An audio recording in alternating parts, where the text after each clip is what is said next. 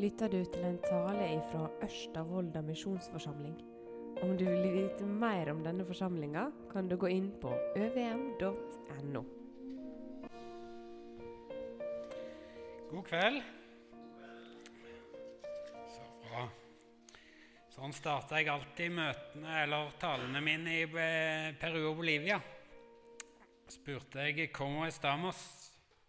og så svarte de 'bien'. Og så har vi det godt sammen. En god start.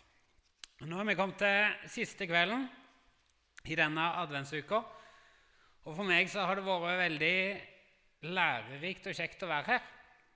Som jeg sa litt i går òg, så er det når, når jeg underviser, at jeg kanskje lærer mest. Når jeg får dele noe, så må jeg forberede meg, og jeg ser stadig nye ting. Og Det har vært litt spennende denne adventsuka og for alle har vi vel våre tanker om hva advent er. Og For meg så har det vært å sette seg ned litt og tenke litt annerledes enn jeg kanskje tenker når vi kommer litt ut i desember, når stjernene kommer i vinduet, og når lyset tennes på bordet, pakkekalenderne henger på veggen. Eh, Jesus skal komme igjen òg. Det handler ikke bare om det lille barnet som lå i krybba. Men det handler òg om det han kom for å gjøre. Det han gjorde, og det at han skal komme igjen. Det har vært godt for meg å få dvele litt med disse dagene. Og det er ikke noe som vi trenger frykte. På grunn av det han gjorde, så kan vi ha fred og glede i at han skal komme igjen i den forventningen. Han kom for oss, han døde i vårt sted, og han gir oss frelse.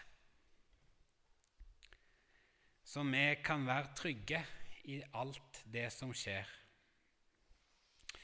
Og Så skal jeg se på en ny påsketekst i dag, egentlig, fra palmesøndag.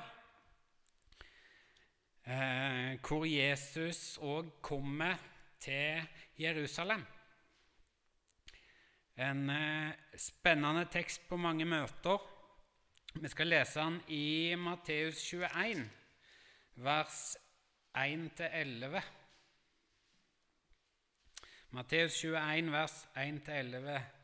Der står det sånn i Jesu navn. Da de nærmet seg Jerusalem og kom til Betfage ved Oljeberget, sendte Jesus to disipler av sted og sa til dem.: Gå inn i landsbyen like foran dere. Der skal dere straks finne en eselhoppe som står bundet, og en fole sammen med den. Løs dem og lei dem hit til meg. Hvis noen sier til dere, skal dere svare at Herren har bruk for dem da skal han straks sende dem. Men dette skjedde for at det skulle bli oppfylt som var sagt ved profeten. Si til Sions datter, se din konge kommer til deg, sagt modig ridende på et esel på trelldyrets fole. Disiplene gikk da av sted og gjorde som Jesus hadde pålagt dem. De hentet eselet og folen og la kappene sine på dem, og han satte seg på dem. Mange i den store folkemengden bredte kappene sine ut på veien. Andre hogg grener av trærne og strødde dem på veien. Folkemengden gikk foran, og de som fulgte etter, ropte og sa Hosianna, Davids sønn, velsignet være Han som kommer i Herrens navn, Hosianna i det høyeste. Og da han drog inn i Jerusalem, kom hele byen i bevegelse, og de spurte, Hvem er dette? Og folket svarte, det er profeten Jesus fra Nasaret i Galilea. Skal vi be. Trenige Gud, vi takker deg for at vi kan få samles her i dag. Takker vi deg for at du, far, hadde en plan. At du, Jesus, gjennomførte planen til fulle. Vi takker deg, Hellige Ånd, for at du åpenbarer dette for oss. Må du tale til oss nå òg, sånn at vi kan få se litt mer av hvem du er, og hva du har gjort for oss. Amen.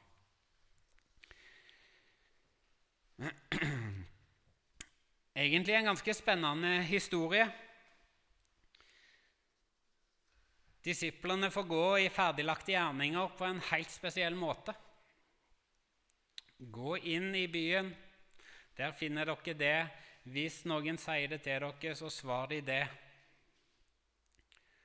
Og så kan vi tenke at det må ha vært veldig trosstyrkende.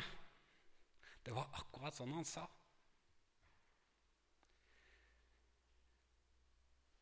For det var det som skjedde. De kom inn, og så etterpå så går de inn i byen. Og det er som en konge kommer inn der, ydmyk, ridende. Folket synger. Disiplene hadde nok venta på akkurat dette. Endelig skulle Jesus på en måte ta sin rolle. Og så ble det ikke helt sånn som de tenkte.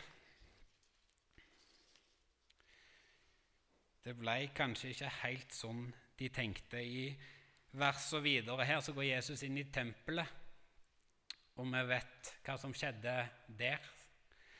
Byen var i bevegelse allerede, og nå ble lederne skikkelig sure, og de planla. Hva tenkte disiplene da?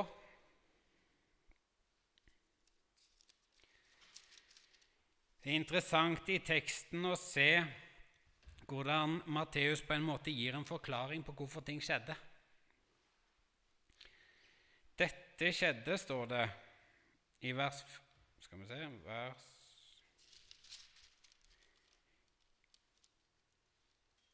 vers. Men dette skjedde for at det skulle bli oppfylt, det som var sagt ved profeten. Det står ikke klart ut at disiplene forsto akkurat det. Men noe må de ha forstått. Profeten, han var Zakaria. Han levde i underkant av 600 år før dette og er en av de ganske visjonære eh, profetene han fikk. Mye visjoner. Og han talte en del om den kommende Messias. Han talte til et israelsfolk som nylig var kommet tilbake til Jerusalem etter etter fangenskap. Og det var ingen konge i byen. Det var ingen eh, Eller de var utsatt, lå utsatt til og hadde mange fiender. Og så sier han, Se, din konge kommer til deg. Rettferdig er han og full av frelse. Ydmyk er han og rir på et esel, på den unge eselfolen, på trelldyrets fole. Står det i Zakaria 9,9. Og Disiplene skjønte nok noe av dette når de hørte sangen fra folket, når de så klærne som lå utover, og palmegreinene som vaia. Kongen kommer, ydmyk, ikke akkurat sånn som de kanskje venta. Og vi skulle kanskje trodd at de forsto det enda bedre. Men vi vet at både Judas og Peter og Thomas ikke helt forsto hva som skjedde.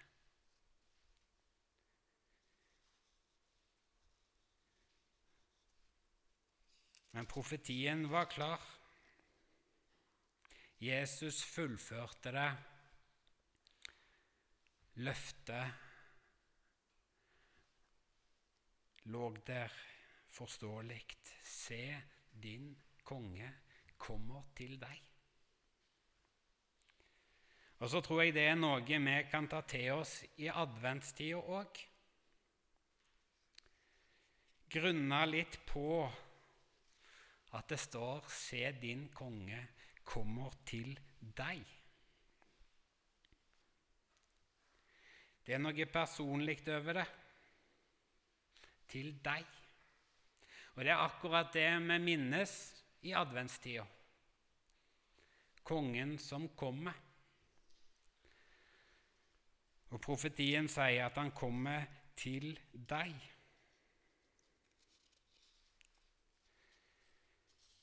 Det jødefolket hadde venta på så lenge.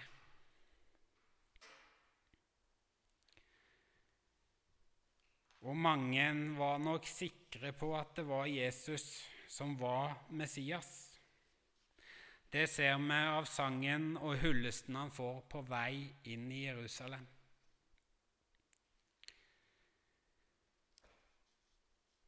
Det var en konge som kom. Tidligere så hadde de òg ønska å gjøre han til konge, men da hadde han trukket seg vekk. Kan vi lese om i Johannes 6. Men nå trør han fram på sin måte, ifølge løftene, ifølge profetiene. Og disiplene skjønte ikke alt. Men de samme disiplene som fikk gå i ferdiglagte gjerninger Interessant å se at de både går og henter eselet. De er sendt ut to stykk for å gjøre det. Og I et annet evangelium så kan vi lese at to stykk blir også sendt for å finne den plassen de skal feire påskemåltidet. De får gå i ferdiglagte gjerninger, helt klart.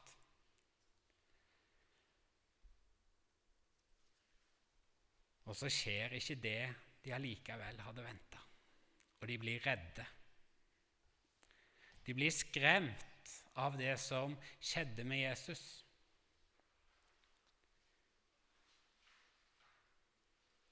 Før de plutselig, de òg, noen uker etterpå står fram med livet som innsats og forkynner det Jesus hadde gjort. Hva det betyr med frimodighet. Hva var det som gjorde forskjellen der?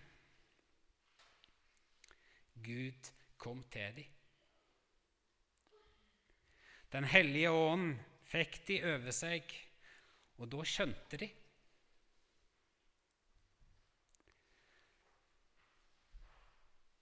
Da skjønte de. Og Jeg vet ikke hva dere tenker om Den hellige ånd. I Sør-Amerika så var det ofte et spørsmål. For vi lutheranere vi snakket jo aldri om Den hellige ånd, men det gjorde de andre. Og hos de andre kirkene, der skjedde det ting. Hva sier vi om Den hellige ånd? Du får han i dåpen. Så står det i 1. Korinterbrev at ingen kan si at Jesus er herre uten Den hellige ånd. Så vi skjønner jo på en måte at vi må ha han. Men hva lærer vi om han, og hva sier vi om han, og hva tenker vi om han?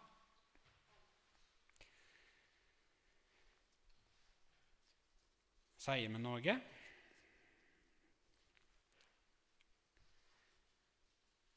Vi framsier i hvert fall trosbekjennelsen.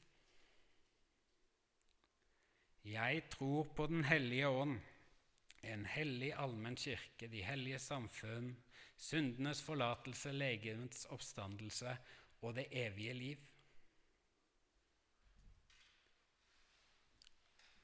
Lenge så tenkte nok jeg at dette var bare en sånn oppramsing til slutt av eh, det vi tror. Men det var noe som kirkefedrene sikkert tenkte at vi må jo få med dette òg.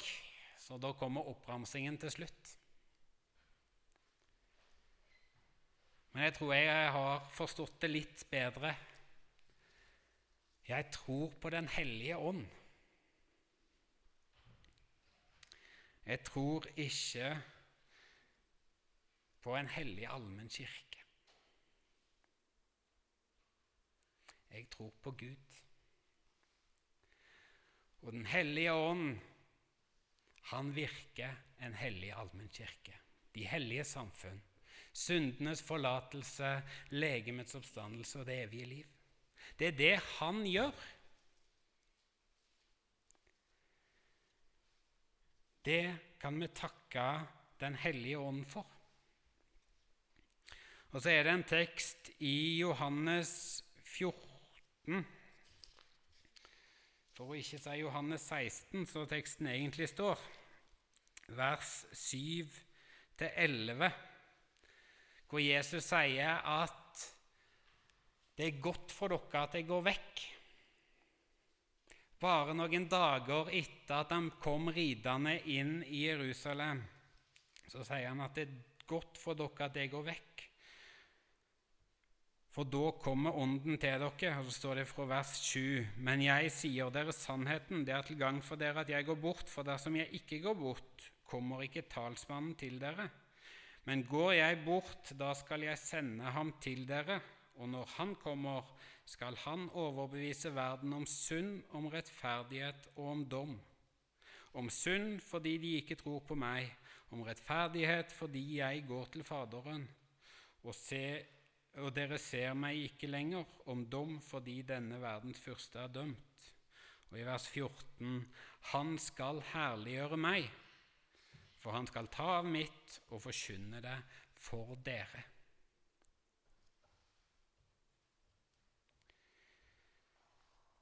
Den hellige ånd kom for å overbevise om synd, om rettferdighet og om dom. Og han kom for å herliggjøre Kristus.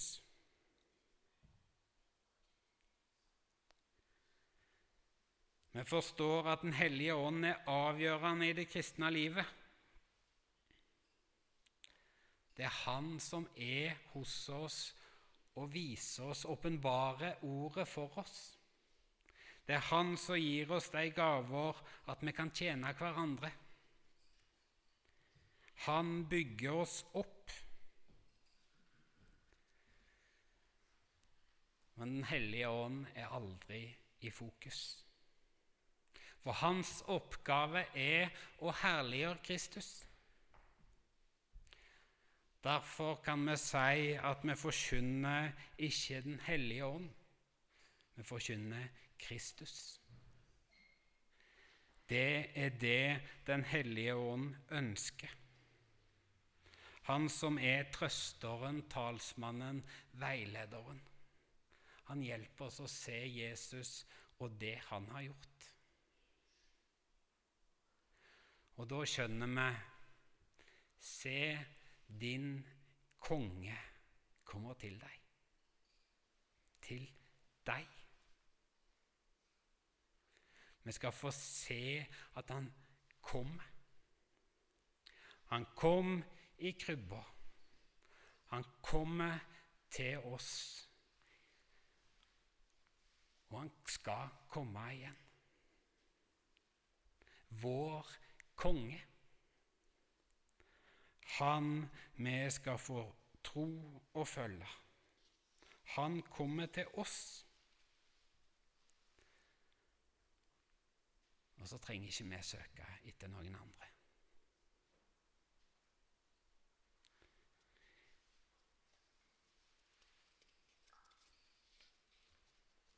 Han gir oss det vi trenger. Han er rettferdig, og vi kan stole på han. For det er ikke frelse i noe annet navn. Hans seier over synden og døden viser oss hans kongekraft og hans makt. Vår konge. Og så håper jeg at det kan klinge litt i deres liv denne adventstida òg.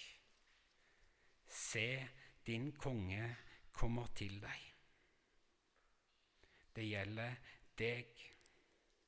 I det lille barnet på eselryggen, der han strekker ut sine hender på korset, og han som skal komme igjen i skyene. Han kommer til deg. La det være vår bønn, så kan vi òg ta del i Hosianna-sangen. Se din konge kommer til deg.